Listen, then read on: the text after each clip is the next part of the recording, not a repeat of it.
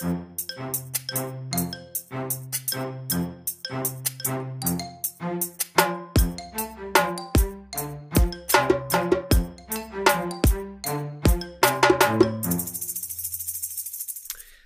varmt välkommen tillbaka till Stacken tillsammans med mig, Daniel Gustafsson och Kim Hindart. Hubba. Nu har vi firat jul och så har vi varit lite förkylda och sen så har vi stökat av det som alla andra i, i världen har gjort sådär. Och det var jättetrevligt och jättekul. Men nu är vi tillbaka. Och eh, nu drar vi igång en ny serie då, då för eh, våren och eh, in på sommaren 2022 som det nu har gått och blivit. Applikationer, Kim, pratade vi om innan jul och nyår.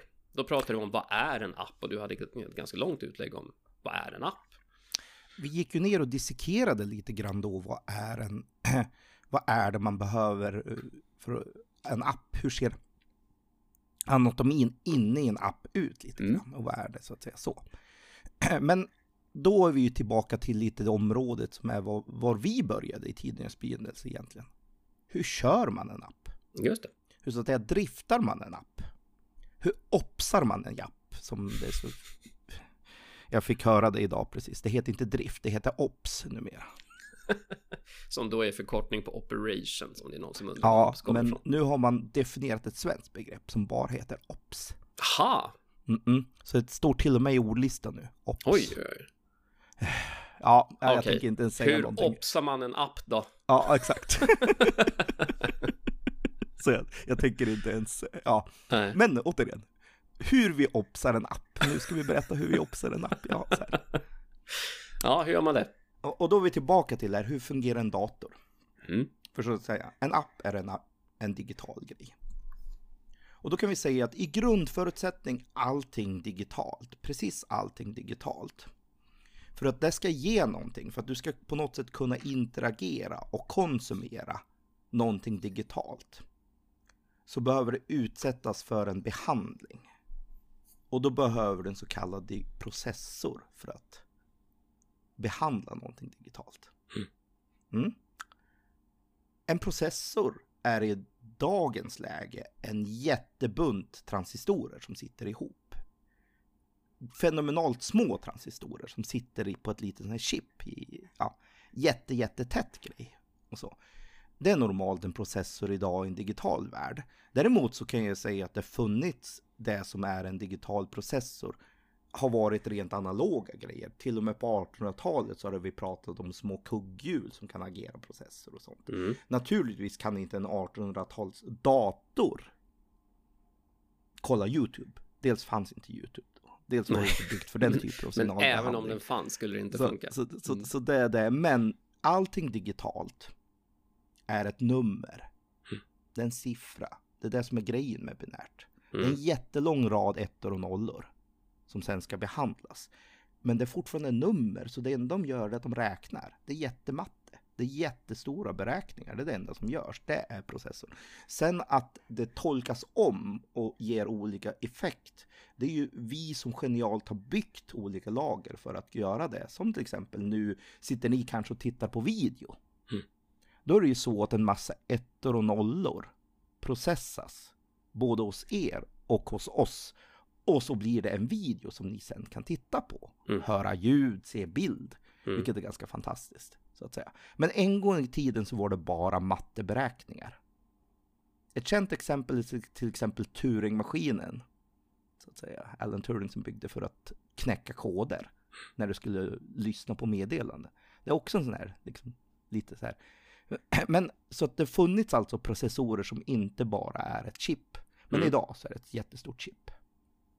Okej, vad behöver man mer då för att det ska fungera som en ren applikation? För du har en processor som så att säga behandlar data. Men precis som vi sa, om du tänker dig hemma, jag vill se en videofil.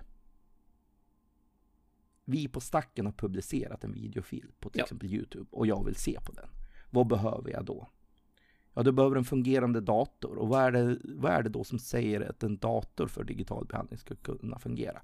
Jo, du behöver ju då dels en processor och sen så kanske ni känner igen att man behöver en hårddisk.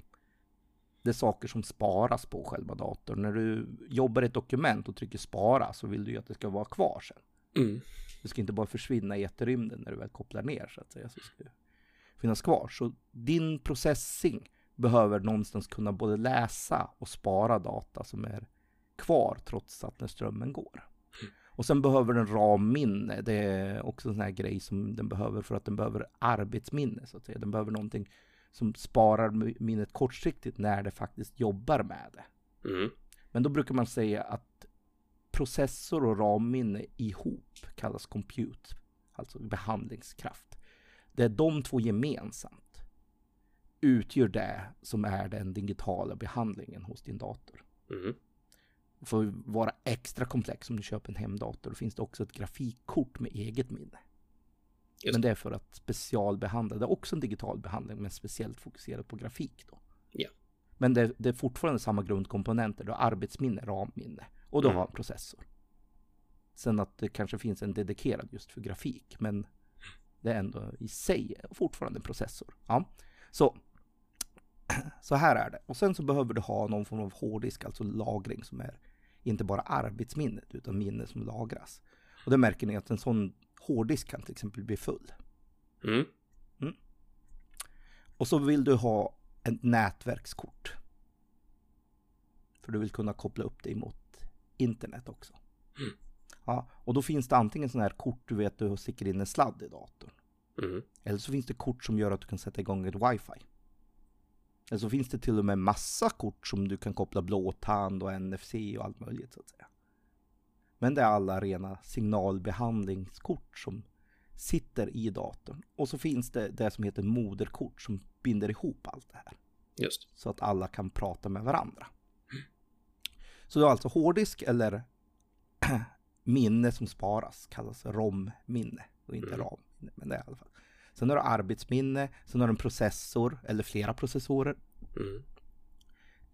Och sen så har du, vad heter det, nätkoppling. Det här i stort är det som rent fysiskt i hårdvara behövs för att en dator då sen ska kunna fungera och behandla data. Och allt det där som Kim sa har ni inte bara i den laptop som står på bordet framför, utan det har ni i eran telefon och eran platta och alla digitala medier som ni tittar på någon form av digital transformation på idag. Det är små datorer, alltihopa. Och vill man ta det till sin riktiga extrem så till och med en klocka idag är en liten dator Mm. som har allt det här. Du kan till och med köpa en liten miniatyrdator som har precis allt det här. Som heter Raspberry Pi för några hundralappar. Just det. Så- så långt har det kommit 300-400 idag. spänn är vi nere på nu. Så, Mm. Och där har du precis allt. Nätkoppling, du har eh, den minne, alltså minne som sparas länge, du har kort arbetsminne, du har en processorenhet. Och du har Mm. liksom, ja. Så att det här finns idag galet avancerat. Så det är en helt galen verklighet vi är i just nu. Att du kan faktiskt köpa en fullständig dator i miniatyr. Mm. För ett par hundringar idag. Som får plats i fickan. Så där är vi. Men då är det ju så att utöver detta så behöver ju datorn en massa mjukvara. Därför att mjukvaran i sig är ju det som bestämmer hur ska saker och ting behandlas på ett vettigt sätt. Mm.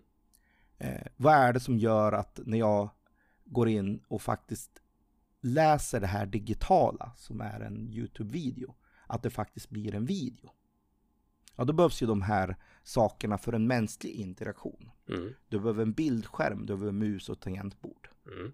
Eller en touchscreen. Eller klickbar skärm. Ska vi, nu ska vi försöka koka, vi får, vi får försöka bli lite moderna här och inse att vi, du och Ja, ja, jag, exakt. vi, vi, våran, våran kissfläck på våra kakebyxor Ja, växer och växer. Man behöver inte ha en mus och tangentbord, man räcker med en touchskärm numera. Ja, exakt. Mm. Men en modern dator i sig kan ju köra mer än en applikation på samma gång.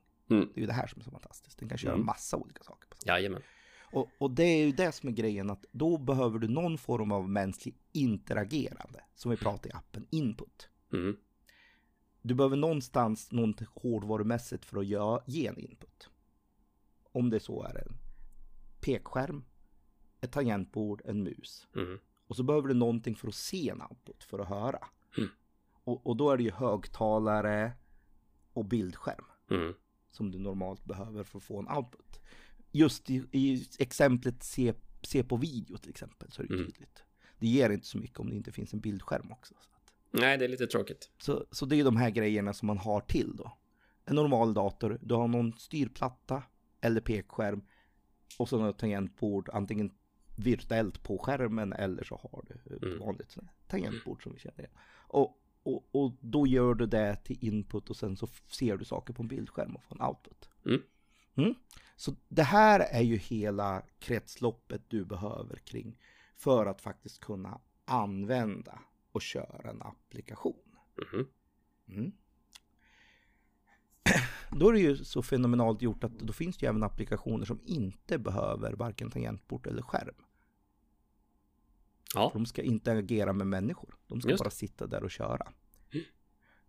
Då med fördel brukar man lägga sådana på en dator som kallas server. Det vill säga, någon, de har inte en direkt interaktion, så de är inte en samlad enhet som den dator du har hemma, riktigt på samma sätt. Eller en mobiltelefon, där allting är inbyggt tillsammans. Utan Mm. de är bara byggda för det här med att ha alltså beräkningskapacitet, nätverkskapacitet och lagring, det vill säga en hårddisk av något slag. mm. De, de är bara byggda gemensamt för det och kallas server, det vill säga du ansluter från någonting. Mm. Så att när du vill titta på den här videon, då kommer den videon att vara en fil som ligger på en server på, hos YouTube. Ja. Och så kommer du från din dator att ansluta dit. Och då är det så att då finns det ju en, då behöver man ju ha en, ett klientprogram. Vissa sådana här typ spel, andra saker, är ett färdigbyggt program som du måste installera på din dator. Och sen behöver de i de allra flesta fall idag ansluta till en server också. Men de, de körs lokalt på din dator. Mm. Och så jobbar du med den där. Medans saker som ligger på internet har faktiskt en sån fördel att där kan du bygga hela applikationen. Och istället för att du ska behöva ladda hem och installera ett separat program. Till exempel hos oss på Stacken Podcast så behöver inte du installera Stacken Podcast läsarprogrammet. Nej, utan du öppnar ändå ett färdigt program som en webbläsare. Ja. Men sen har ni kanske märkt att i vissa fall så stöter man på problemet att just den här webbläsaren stödjer inte den här applikationen på nätet. Mm. Vissa applikationer på nätet säger vi behöver den här typen av webbläsare som inte du har just nu. Och lite sådana saker, det är inte helt ovanligt. Så att, med det sagt så är det en ganska genialisk grej det här med webbläsaren. Det vill säga ett, ett klientprogram Mm. som den som gör en webbsida eller en webbapplikation behöver inte tänka på.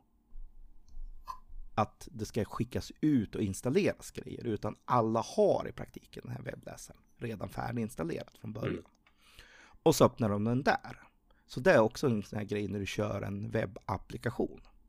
Då är det med fördel, då behöver inte du tänka på något annat än att server och så öppnar folk det i sin webbläsare.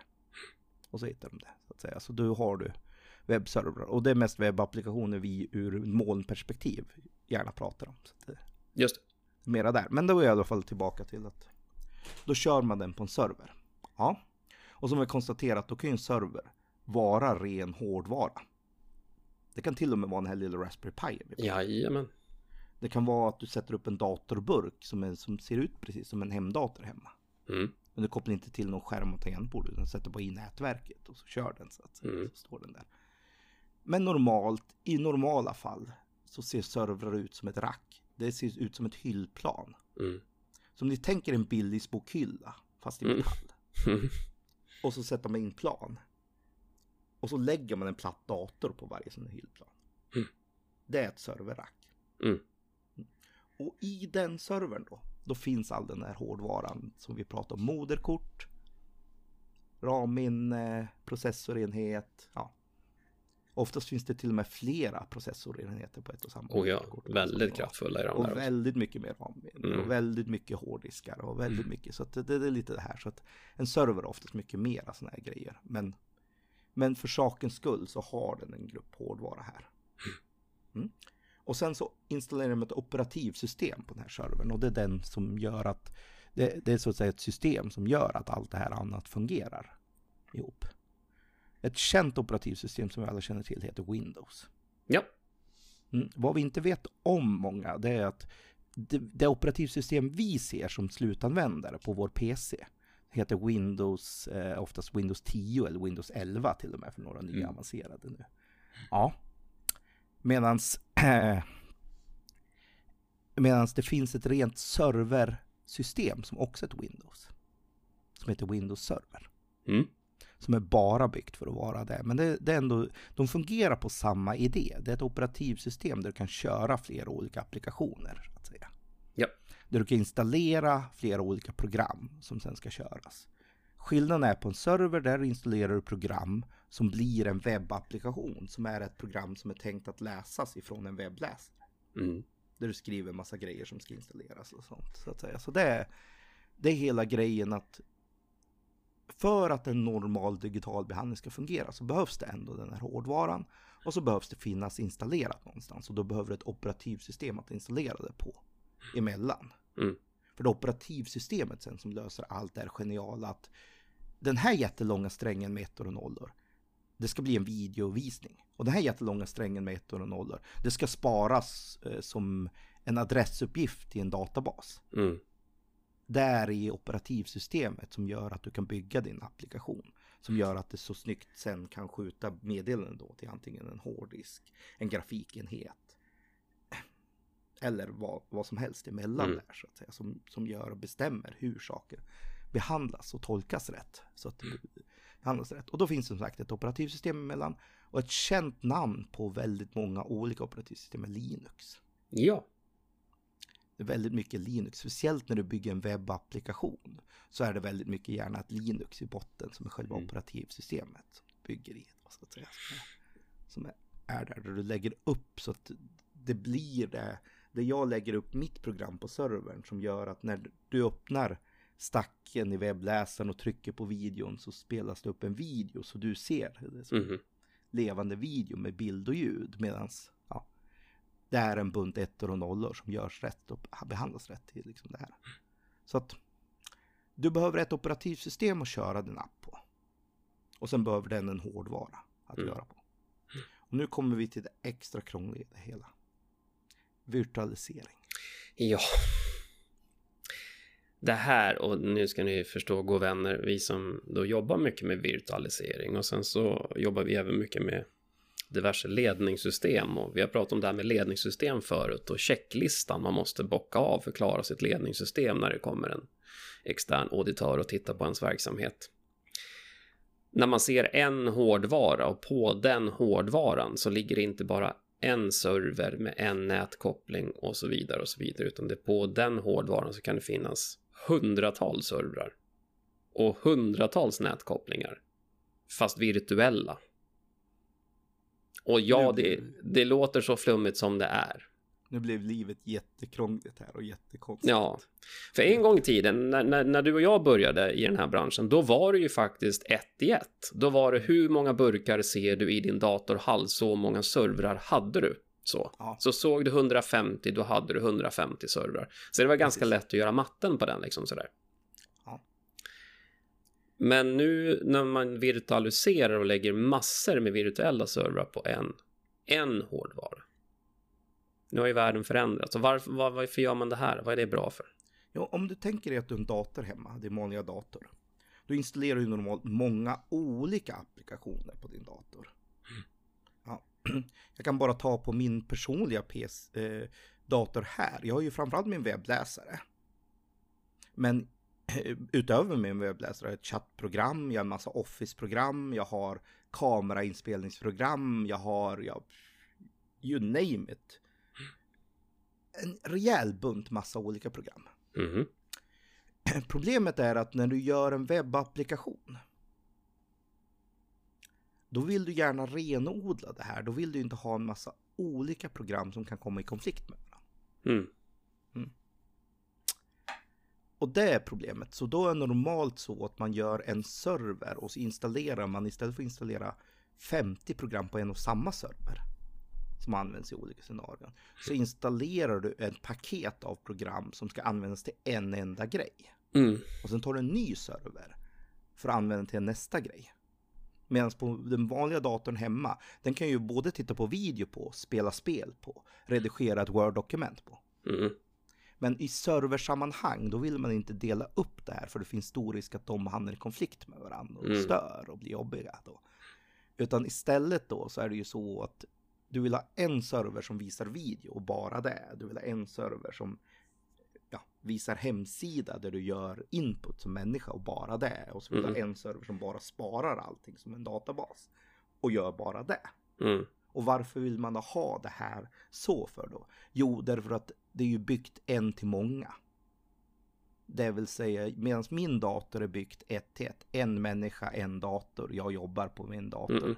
Med, med liksom en grej i taget och sen så kan jag göra byta mellan olika program. Så en server är byggt en till många istället. Det vill säga, ja, jag ska bara visa videofil, men istället för att jag ska visa en videofil i taget så ska jag visa tusentals videofiler till alla som ansluter till den här servern på Mm. samma gång. Mm. Så därför vill man ha det renodlat ur, ur ett rent serverperspektiv. Men då var det någon som kom på det här smarta då. Att ja, man vill kunna renodla det, men samtidigt så är det ju lite slöseri med en ren hårdvara. Om du tänker dig din hemdator. Som, om du har en ordentligt, riktigt bra speldator hemma. Nu när du är på jobbet. Då används den inte. Nej. Det är ju väldigt mycket dyr hårdvara som står där som inte kommer till användning. Det. När du är på bara jobbet. samla dem. Mm. Det, vad gör man i mellantiderna då? När det inte är i användning. Det är väl lite synd, det är lite slöseri. Det är dyrt och mycket och sen så är det så. Mm. Att inte tala om alla mobiler och alla datorer vi har personligen idag också. Mm. Hur ofta går de i 100%? Nej, aldrig. Det gör de aldrig. Nej. Det är jättemycket kapacitet som finns där ute. Mm. Som inte används idag. Det hade väl varit snyggt att kunna använda till någonting vettigt. När inte du behöver det just då. Mm. Här kom smarta figurer på det här med virtualisering. Men då är vi ju tillbaka till det här, man vill inte man vill inte, vad heter det, göra, kom, skapa konflikter. Men Nej. man vill ändå ha möjlighet att kunna utnyttja samma hårdvara till många olika ändamål. Mm. Det är till och med så att en och samma hårdvara idag kan användas för både Linux-program och Windows-program. Mm. Helt Mhm. olika. Men man kan Mm. ändå göra det bara för att det är så att istället för att du ett operativsystem på en hårdvara och sen kör flera olika applikationer där. Då kan du virtualisera. Då lägger du så kallat hypervisor emellan. Mhm. Här blir det lite avancerat men hypervisorn fungerar som ett grundoperativsystem. Och sen så lägger du flera virtuella images. Då är en virtuell image. Det kallas en VM idag. Eller VPS om man använder Amazon-lingo. Mm. Men en virtuell server. Det är bara en jättestor datafil. Ja. Som via en hypervisor plötsligt räknas och blir en server. Fast då delad med flera andra virtuella servrar på samma hårdvara. Mhm.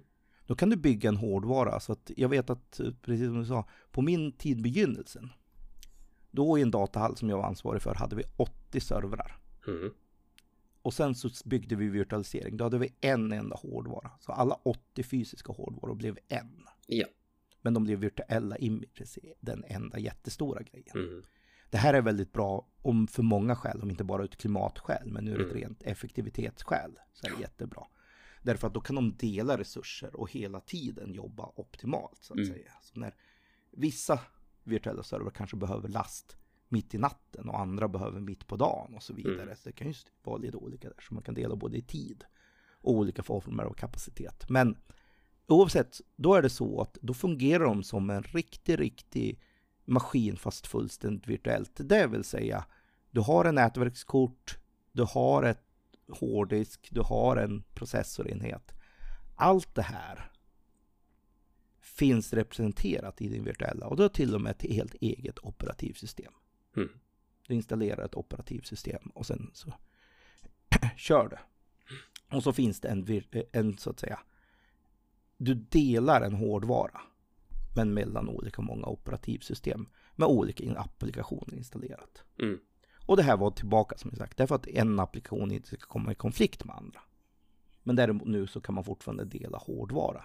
Ja. Så att den är bättre, smidigare än att försöka installera 50 applikationer på en och samma server. Ett och samma, för då finns det stor risk att den kommer i konflikt. Om inte annat så finns det stor risk i säkerhetsperspektiv också. Mm. För att tänk dig själv då. Att om du har en dator hemma delad. Alla loggar in på din dator på samma. Du har ingen skillnad där. Nej. Om jag sparar ett dokument där som ska vara superhemligt. Julklappslistan, vad jag tänker köpa. Som mina barn inte ska läsa. Mhm. Då är det ju problemet att om alla kan gå in på den så kan de ju ganska lätt läsa där också. Så om du skulle vilja separera det här. Ja, speciellt som i vårt läge. Vi vill till och med kunna använda en, en samma hårdvara. Men för flera olika kunder. Ja, precis, exakt. Då är det jätteviktigt att de här kunderna inte kan göra det. Och det här alltså- sköts då i Mm. hypervisorn. Och då är ju hypervisorn så fenomenal så att den kan till och med som sagt köra Windows som en grej. Och ett Linux som en annan. På samma server. På samma hårdvara. Med samma hårdvara. Precis, Lite exakt. fantastiskt faktiskt. Men Mhm. det är så. Ja, det är. Och den här tekniken med virtualisering är ju grunden för hur man kunde skapa den kommersiella, kommersiella modellen med moln. Ja. Det vill säga vi kan sälja hårdvaruresurs till någon som vill skapa en virtuell server. Mm. Du kan gå in på en hemsida, faktiskt säga beställa, hopplocka din egen virtuella server. Säga så här mycket hårddisk vill jag ha, så här mycket RAM-minne vill jag ha, så här mycket CPU vill jag ha och det här operativsystemet vill jag ha på min Mm. virtuella server. Och så ser vi till att den bara körs på en hårdvara, så du har, har hårdvaran som faktiskt aktivt gör att det digitala funkar. Mhm. Men det är du som styr hela mjukvarudelen, inklusive operativsystemet, vad du installerar för app där. Då kan du installera en eller flera appar Mhm. på din server där och göra saker med den. Mm. Och publicera din webbapplikation där. Det här var grunden och fundamentet i moln. Man kan säga att det här var moln 1.0. Ja. Det var ändå alltså att virtualisering är inte moln. Det är jättemånga företag som gör virtualisering. Mm. När det blev moln, det var när man aktivt började sälja det som en tjänst. Och det gick att anropa utifrån. Jag kunde, jag kunde avropa tjänster på din hårdvara från min, ifrån min dator kan av, avropa tjänster. Väldigt många kunde ha virtualiserade servrar och det var jätteeffektivt för istället Mm. för 80 hårdvaror där var och en kunde gå sönder och var och en skulle Mm. pillas på. Så kunde du nu ha en enda stor hårdvara och sköta allt på. Ja. Och så kunde, fick man ha de 80 virtuella servrarna. Men med det sagt så behöver även virtuell server lite ops. Ja, så är det. De, de måste fortfarande underhållas. Det kommer vi inte ifrån. Så vad man köper från en som levererar bara själva servernivån. Och det här kallas då en infrastruktur som tjänstleverans. Mm. Vad man köper av dem, det är att de ser till att det finns hårdvara. Och hårdvaran har ström, nätverk och hela den här biten ur ett hårdvaruperspektiv. Att de sitter rätt. De sitter i de här fina bokhyllorna korrekt. Mm. Och som ni märker ibland så är det ganska tydligt datorer blir varma. Så i ett serverrum måste finnas kylning för att kyla ner dem. Mhm. för annars blir de för varma. Din hemdator har massa fläktar om man tittar på den. Mm. Och det är för att saker inte ska bli för varmt. Exakt. I ett serverperspektiv så behöver man lite större sånt här och lite mera sånt. Och sen vill du ju ha dubbelström som gör att även om det blir ett strömavbrott så ska de inte bara dö. Så två kanaler in med ström i varje burk också. Och mycket sånt här. Så det, det är mycket det pysslet. Mhm. som då finns. Och då är fördelen att då kan du ur ett rent OPS-perspektiv också göra det som kod och behandla det som en del av ditt program. Mm. Så helt plötsligt nu kan du i ett moln programmera även din OPS. Precis. Nu har vi det ordet som buzzword som kallas DevOps. Yes. Men det är så att ett sätt att drifta din applikation på, det är att installera det på en fysisk hårdvara själv. Men då måste ju någon koppla upp och fixa allting annat kring din fysiska hårdvara. Ja. Eller så är det att installera det på en virtuell maskin. Virtualiserad. Och sen köra det i ett moln. Mm. Mm. Det kan man göra också. Då är det ju mer att molnleverantören står för hela hårdvarubiten. Och så har du din virtuella server som Mm. du kör på. Mm. Ja. Men då är du fortfarande OPS, så att säga OPS-ansvarig för att se till att din virtuella server pillas med. Så allting mjukvarumässigt som du hade pillat med på din, din installerade server finns fortfarande kvar som du måste göra. Mm. Även fast på en virtuell server. Mm. Ja. Och då kom någon ännu mer smartare person på. Att det går ju att dela upp den virtuella servern. Ännu mer. Och då är nästa steg container. Ja, hur långt ska vi gå i den här trappan i det här avsnittet? Men absolut, det är ju nästa steg och det är där vi är idag. Där man faktiskt delar upp den virtuella servern i ytterligare en kaka. Och så lägger man någonting som heter containrar på istället. Och så lägger man applikationen i en container. Och då kan du göra det vi pratade om som man inte skulle göra egentligen från början. Mm. Och det är att köra väldigt många applikationer installerade på en och samma server. Just. För att container är bara ytterligare ett steg att göra att se till att program inte kommer i konflikt med varandra. Nej. Och Så, eh, ytterligare ett steg att använda det än mer effektivt i hela delen. Så att hypervisor gör att du kan köra flera olika virtuella maskiner på en och samma hårdvara. Men då har du Mm. fortfarande virtuella servrar med sitt eget operativsystem. Ja. Sen kan du på din virtuella server köra det som kallas Container Orchestrator. Mm. Det vill säga buzzworden så har ni säkert hört talas om saker som kallas Kubernetes. Det är motsvarigheten till en hypervisor fast för containers. Om man säger så då lite förenklat. Nu vet jag att nu kommer teknikfolket hoppa upp och ner på mig. Men väldigt förenklat kan man Men säga. väldigt förenklat så är det Mm. så att så att det du först gör det är att du går till ett moln och säger jag vill ha en virtuell maskin, en virtuell server och på min virtuella server vill jag kunna köra en containerhanterare och så Mm. vill jag kunna lägga containers på den. Mm. Och då har vi ett nästa program som vi ska prata om. Vad är affärsvärdet? Varför vill man ens gå hela den här vägen upp till container? Men för att vi ska förstå förenklat. Allt det här handlar om olika nivåer att stycka upp det på för att göra det så säkert som möjligt att en applikation inte är i konflikt med andra saker. Mm. Och så vill du ändå kunna installera så mycket som möjligt effektivt på en och samma grej. Ja.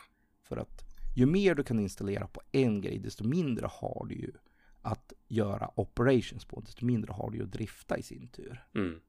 Och desto enklare blir ju det då. Men tillbaka till att det handlar om att vi vill kunna dela på en fysisk hårdvara. Och sen containerlagret, det kan förenklat säga vi vill kunna dela på ett operativsystem Mm. mellan containers. Utan att påverka varandra. utan att det blir konflikt. Och Ja. Det är precis så de gör. Ja. Så precis som vi har sagt att man ska inte nödvändigtvis installera massa olika applikationer. Nej, men det går man runt genom att man installerar en container istället och så ligger Mm. containrar för sig.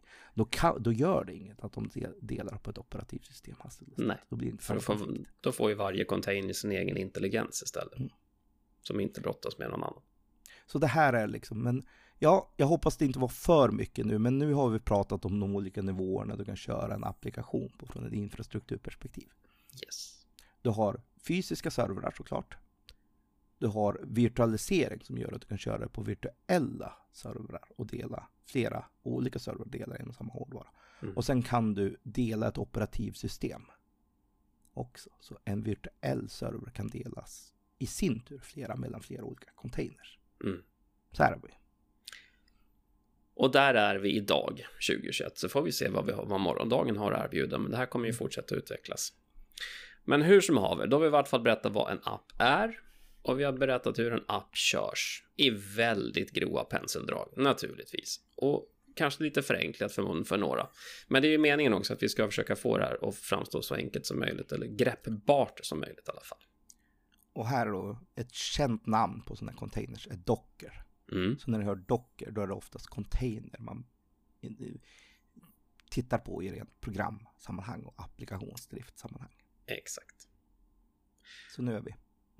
Och det kan vi komma in i vid ett senare tillfälle exakt vad det är. Men som sagt, sen finns det en affärsvärde, varför tusen ska man hålla på med? Men det kan vi ta ett senare avsnitt. Men den här veckan så känner vi oss vi nog är klara med det i alla fall. Och har ni frågor eller vad det här fullständig grekiska så vi måste förklara ytterligare ett led, då hör ni av er till oss på citynetwork.se podcast. Och så gör ni det och sen så finns allting länkat också där som vi pratade om tidigare så kan ni titta på det. Och vill ni lyssna på tidigare avsnitt så tycker jag rekommenderar det skarpt att ni gör det också för det finns en hel del avsnitt tillbaka tiden nu. Eh, där det finns en liten databas av information ni kan lyssna på och kanske ta åter av eller återkoppla till oss om det är någonting som ni tycker vi säger är fel. För det vill vi också höra. Så gör det och sen hörs vi om en vecka igen då. Och sen så kör vi nu, för nu är det vår, höll jag på att säga, snart. Det är min, på väg mot vår. Så vi hörs om en vecka. Ha det bra. På återhörande. Hubba.